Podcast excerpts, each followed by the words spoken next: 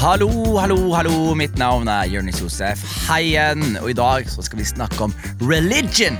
For hva er egentlig religion? Og trenger vi religion? Er religion litt sånn der, en liten sånn døgnflue i, i det lange løp, eller er det et annet menneskelig som bor inni oss, hvor vi trenger noe større enn oss selv? Dette er gode spørsmål, og for å finne gode svar så har jeg fått med meg Iselin Frydenlund. Hun er professor i religionsvitenskap ved MF Vitenskapelig høgskole og er ekspert innen dette temaet. Du hører på Hva vet jeg? med meg, Jonis Josef. Jeg sitter her sammen med Iselin Frydenlund. Velkommen til deg. Tusen takk. Hva er religion? Definisjon. Dop til folket, var det noen som sa. Dop til folket. Ja, Det er en veldig kontroversiell eh, måte å tenke på religion. Det var Marx da, som tenkte at det var opium for folket.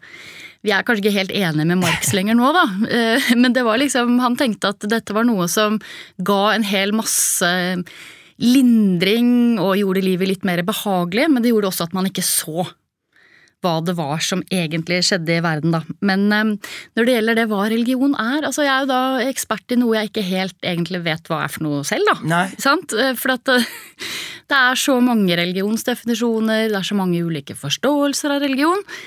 Um, men det jeg tenker at vi er viktig at vi forstår, da, er at vi kan ha bruke religion som en analytisk kategori. Vi kan bruke det som et begrep vi kan tenke med for å prøve å forstå bestemte kulturelle fenomen som folk driver med.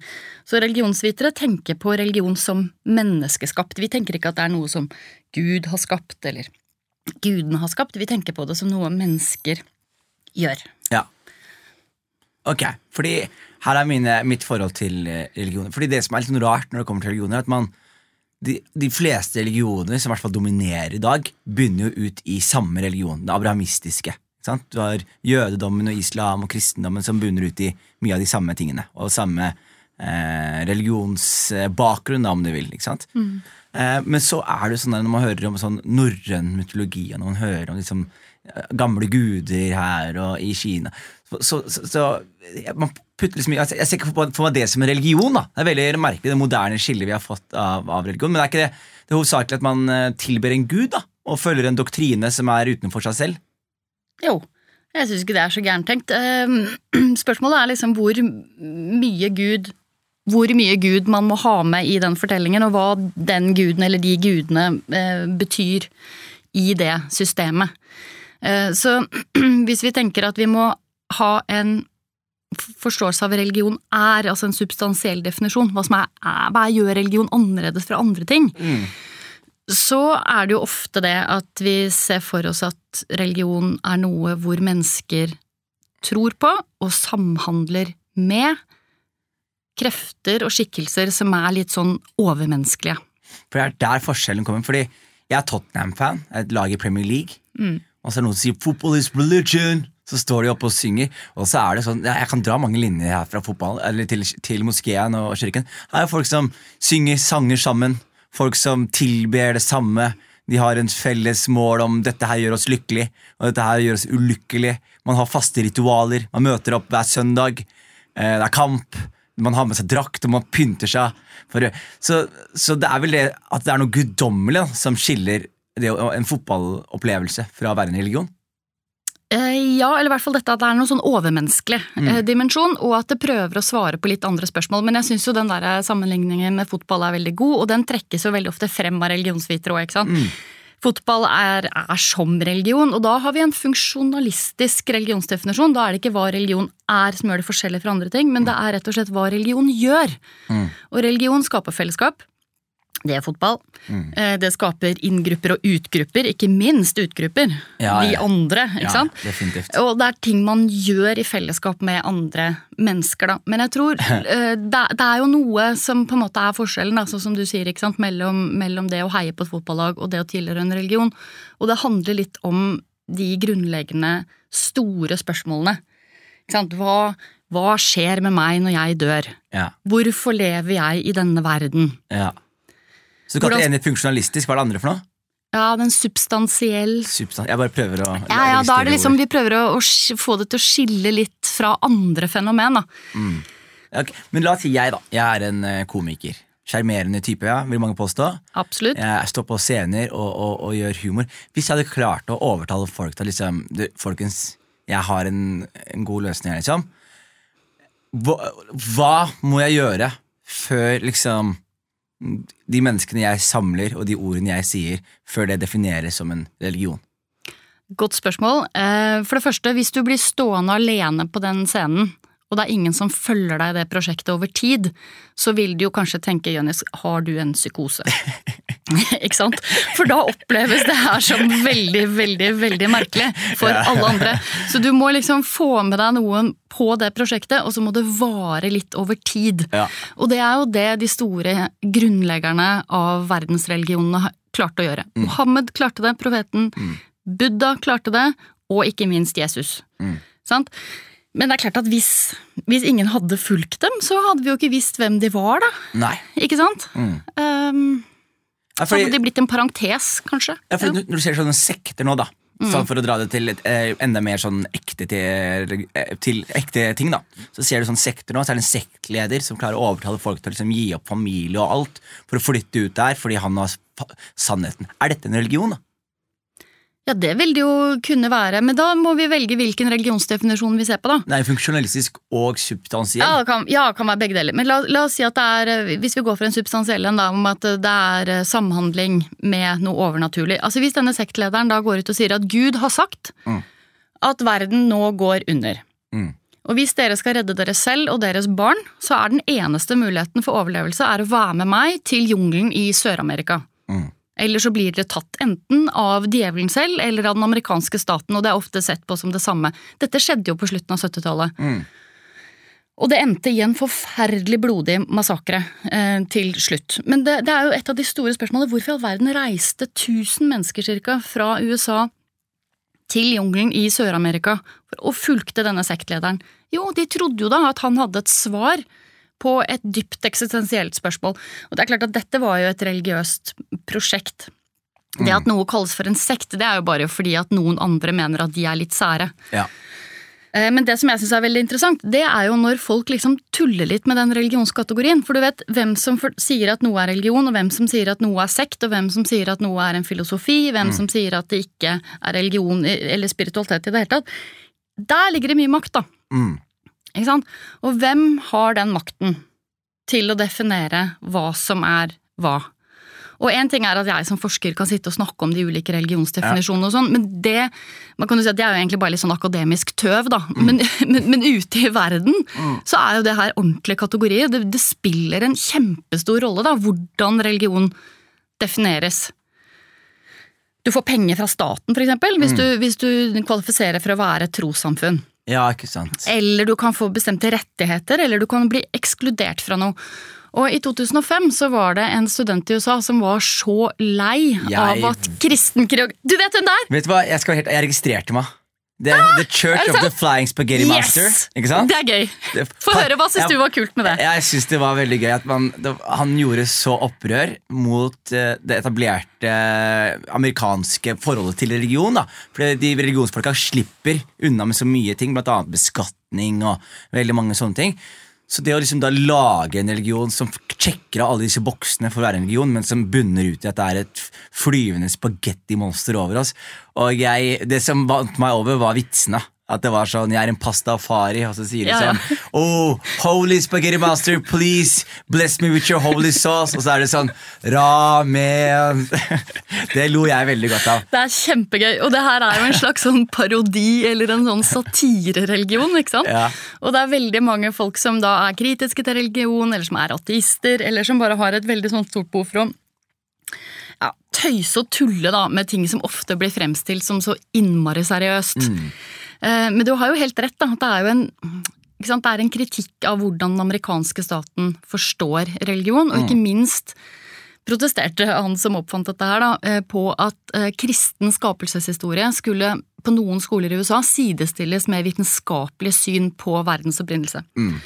Så da sa jo han ja, men herregud, altså, dette er like sannsynlig usannsynlig som om verden hadde blitt skapt av et sånt spagettimonster. Så da krever jeg, med religionsfriheten i hånd, at min teori også får plass i skolen. Så det er et ganske sånn dypt filosofisk og juridisk prosjekt han har satt i gang da, mm. med denne tøysereligionen sin. Mm. Og det ligger jo masse makt i dette her, og penger og sånn. Ehm, Så det må jo være en sånn form for rimelighet, da. Men vi kan jo liksom tenke oss at eh, altså denne spagettireligionen, for veldig mange så er det en kul greie. Det er liksom en sånn sosial bevegelse som ruller ut over internett, og så ler folk seg glugg i hjel og syns det er kjempegøy. Og det er jo en måte å drive maktkritikk på, ikke sant. Å Ja. tøyse med det som liksom er så seriøst. Så hvem er det som egentlig har sagt at religion må være så innmari seriøst, og hvorfor må du egentlig tro Mm. så himla mye? Mm. Det er jo litt det de leker med, ikke sant? Mm. Um, og det tenker jeg at ofte er en litt sånn kristen-protestantisk ting, da. At religion er noe du tror, og du må tro så inderlig vel. Og er det noe du er uenig i, så kan du kanskje ikke tro. Men for fryktelig mange i hele verden så er jo religion noe man gjør. Mm, Det handler om menneskelige fellesskap og familie og kulturtradisjoner. Mm. I Somalia så er det veldig problem hvis du er ateistisk, da. Mm. Så får det veldig mye sosiale konsekvenser. Og jeg husker jeg klødde meg i hodet og var sånn Men skal vi gi vi sosiale konsekvenser til noe han tror på? Jeg syns det er en veldig veldig rar ting som jeg fortsatt ikke kommer helt over. Men Mm. som du sier, det er bakt inn i gamle gamle tradisjoner. Og religion har vært der lenge, og man har forskjellige måter å, å kue folk på, da, om man vil. Ja, Er det da- feil å bruke ordet kue, du som jobber så mye med det her? Jeg tenker at da ville jeg eh, plassert deg inn i en sånn maktkritisk religionsdefinisjon. Ikke sant? Du Ja. ser religion som makt, og det er det veldig mange som gjør. Mm. Det er én mulig eh, løsning. Men det er umulig å ikke se på det som en makt, da, tenker mm. jeg. Fordi ok, hvis man har en kirke, så har man en statskirke. Mm. Og så har du liksom eh, en statsreligion. Og så har du så mange ting av religionen som gjennomsyrer livene våre, politikken vår, lovene våre. Vi snakker jo for guds skyld fortsatt om abort og sånn. Mhm. Fordi det er snakk om liksom bibelske referanser der. Så det er jo veldig merkelig liksom hvor mye eh, religion blir brukt da til å liksom kontrollere befolkningen. Og jeg er jo litt Marx, kanskje. Kanskje det er litt marxistisk- eh. Ja. Og det, og, det, og det er det mange som er. Altså, det betyr jo ikke at du liksom skal, skal følge Marx i ett og alt, men at man har et syn på religion som et maktsystem. Det er veldig vanlig blant akademikere, fordi man ser akkurat det du ser. ikke sant? Hvordan det brukes for å legitimere enten politikk eller stat, eller styre over inn, eh, borgeres rettigheter og Ja. sånn. Men vi må jo huske på de litt andre situasjonene òg, da. Det er jo når religion faktisk er undertrykket av staten. Mm, mm. Og det eh, har jo skjedd veldig mye i moderne tid. Altså Tenk deg på alle de kommunistisk styrte statene i Øst-Europa. Mm. Og gamle Sovjetunionen, Mongolia og Kina. Kambodsja. Kina. Sant? Og da er jo religion på en måte et språk for motstand Ja. mot overmakt. Mm. Sånn at det er litt vanskelig å bare redusere det til makt og stat. Jeg tenker at det, det er jo avhengig av hvor du står, da. Ikke sant? Altså Hvilket land du snakker fra, eller hvilken kontekst du snakker fra. og sånn. For noen helt andre så vil jo dette her være skikkelig legitim motstandskamp. Mm. Og det, Jeg jobber jo mye med Myanmar, og for veldig mange av mine buddhistiske venner så er buddhismen et verktøy for å stå imot militærdiktaturet i Myanmar. Jeg leste om denne munken i Myanmar som tente på seg selv i protest mot uh, det greiene. Er det da en altså, Du du har kanskje ikke hørt om akkurat den? da Eh, Det er sikkert noen andre varianter av eh, munker som brenner seg selv. Men Mm. er det da en politisk akt, eller er det en religiøs akt? Ah, det er så godt spørsmål. Da er vi tilbake til hvem definerer det, da. Ja, ja, ja, ja. sant? Fordi at, eh, og det, det er, I Myanmar særlig så er det veldig interessant, fordi at i grunnloven til Myanmar så står det helt spesifikt at religion og politikk ikke får lov til å blandes. Mm. Aha, Og hvem kan bestemme hva som er religion og hva som er politikk? Politikk. Ikke sant? Og du kan jo da, da Det betyr at buddhistiske munker som engasjerer seg i det vi forstår som politiske handlinger, de kan da åke inn i fengsel fordi at det ikke er lov. Fordi de blander religion og politikk? Ja, det er ikke lov i henhold til grunnloven i Myanmar. Så det er det, det rake motsatte av liksom, evangelister i USA som får lov til å styre abort og sånne ting. Der nede så er det motsatt. At hvis du våger å liksom, ha religiøs bakgrunn og trene i politikken, så kan det bli brukt mot deg. Ja, det er ikke lov. Sånn at hvis du er eh, ordinert munk eller katolsk prest eller et eller annet, så får du ikke lov å sitte i parlamentet. Ah. Du får ikke lov å avgi stemme ved valg. Tenk deg det. Man er fratatt politiske og sivile rettigheter hvis du er medlem av en religiøs orden. Og det som er sprøtt, er jo at de har jo ikke helt funnet ut hva de skal gjøre med de protestantiske kirkene. Er de orden eller ikke?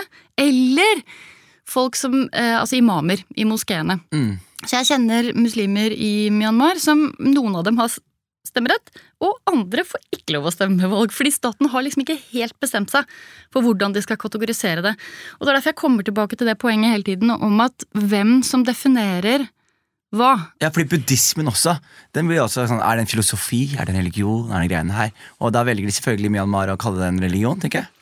Ja, og det er britene da som kommer med det. Fordi eh, altså, religion eh, som begrep er jo en litt sånn vanskelig kategori. ikke sant? For det er jo noe som mm, liksom skikkelig tok av i Europa på 15-, 16- og 1700-tallet. Det er opplysningstiden. Og så blir det eksportert til resten av verden. Og så får resten av verden slite med hva i all verden er det religion er, da. De hadde andre begreper, ikke sant, eh, i land i Afrika eller i Midtøsten eller i Asia. Mm. Mm. Men hva er forskjellen mellom religion og kultur? Jeg tenker at religion er kultur.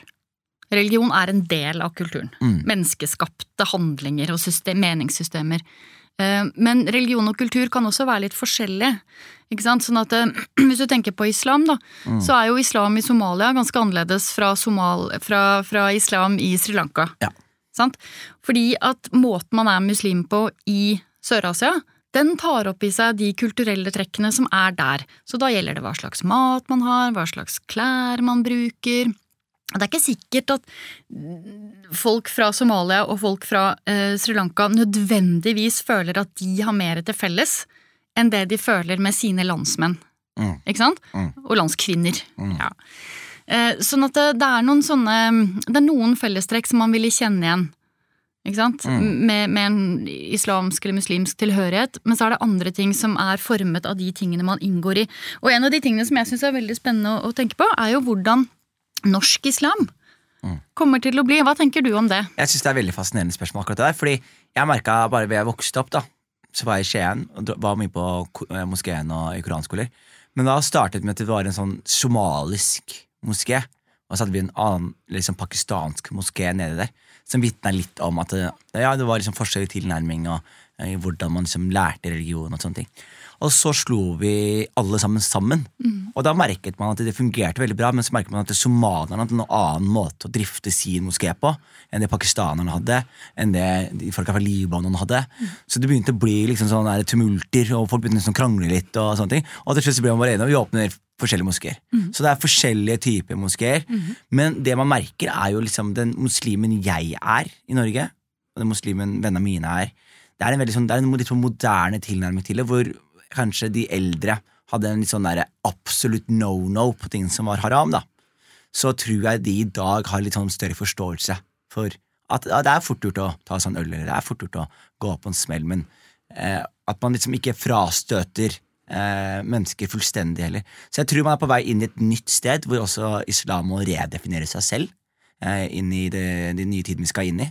Jeg stiller meg litt kritisk til religioner, og det er veldig mye kritiske ting som dukker opp hele tiden. Men trenger vi religioner? Har det en god funksjon også? Altså Hvis du ser på verdenshistorien, så vil man jo måtte si ja til det. da, For sannsynligvis så har jo folk holdt på med religion fra de hadde stor nok hjerne til å begynne å tenke over sin egen eksistens. Så det er jo noe som har hengt med folk eh, i tusenvis av år. Så en positiv funksjon må det jo ha. Altså Mennesker er meningsskapende og meningssøkende vesener. Vi, er, vi prøver å forstå hvorfor i all verden vi fins. Mm. Um, så vil jo den type spekulasjoner være en del av en helt sånn normal menneskelig aktivitet. Da. Mm. Eh, Så det er jo svar på eksistensielle spørsmål, og så handler det jo veldig mye om fellesskap. Veldig mye om identitet. Mm.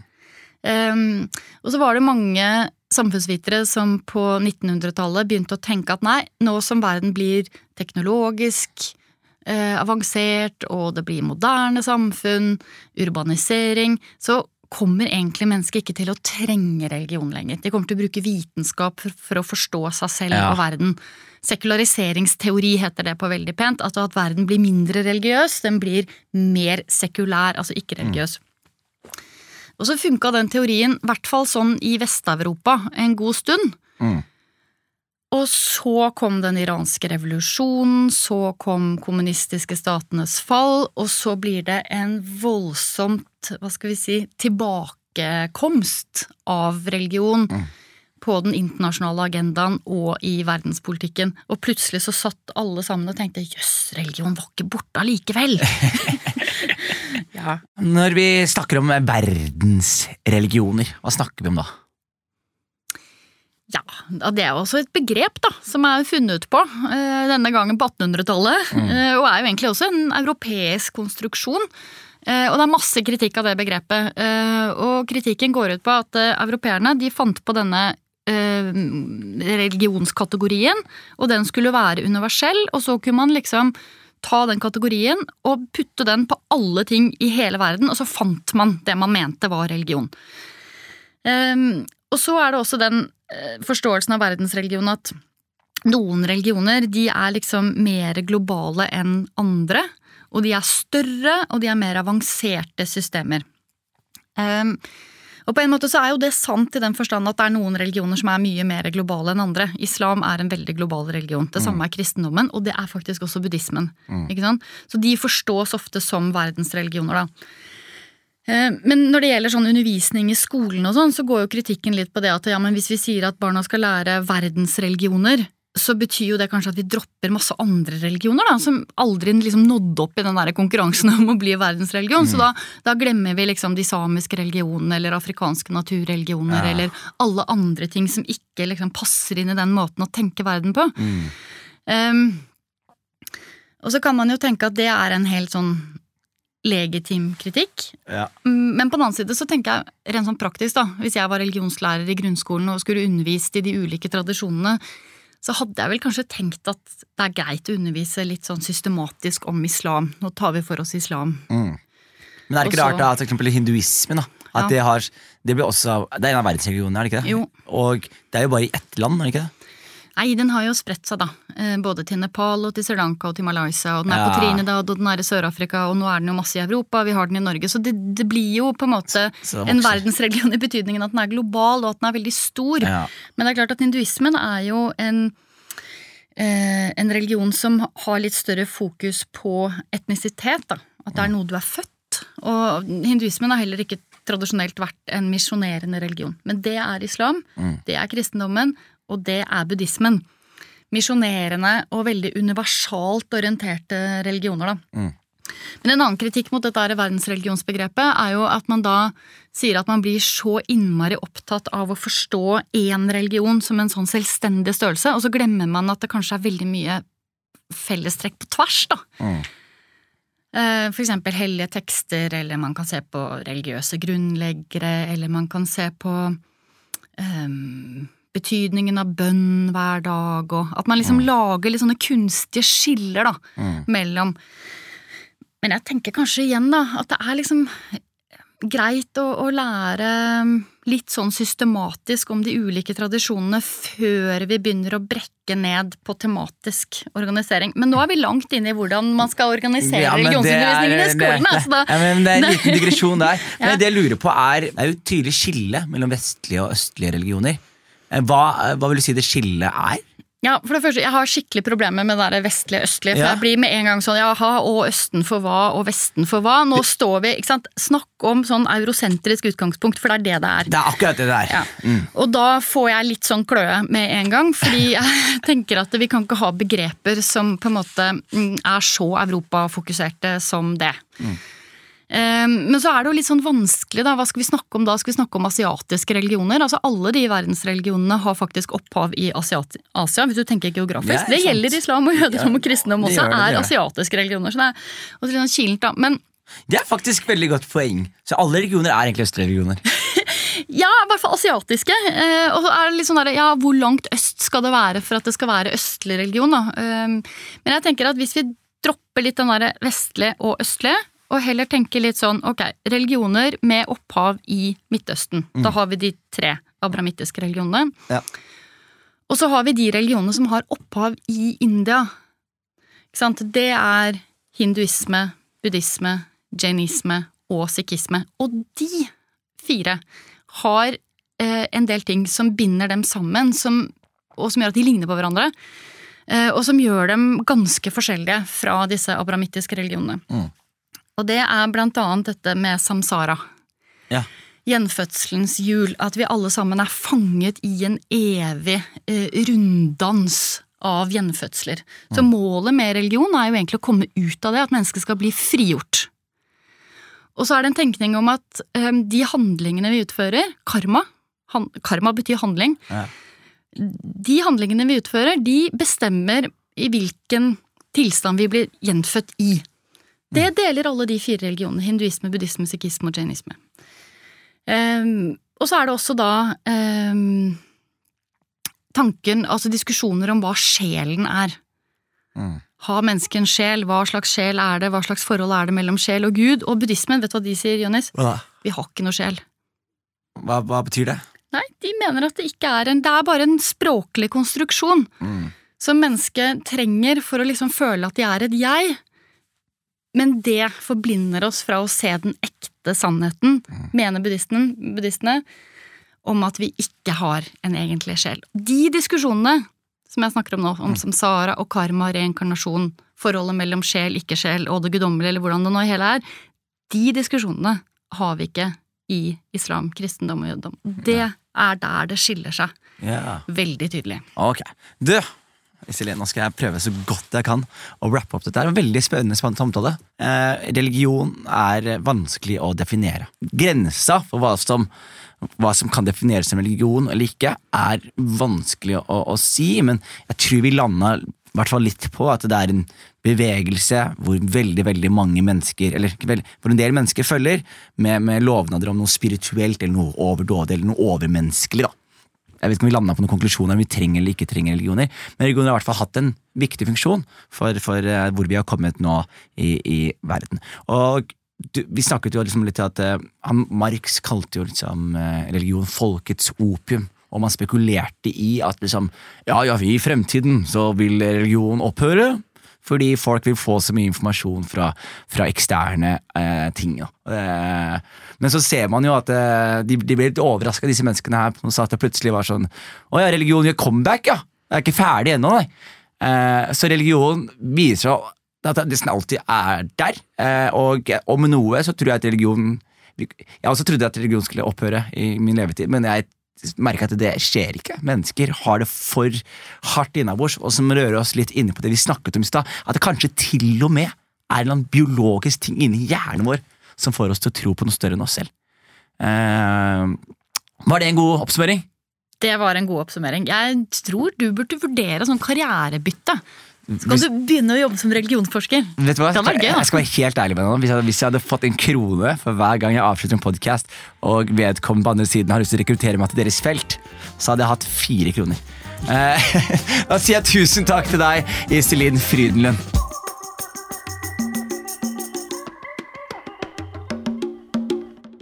Produsert av både og for NDLA.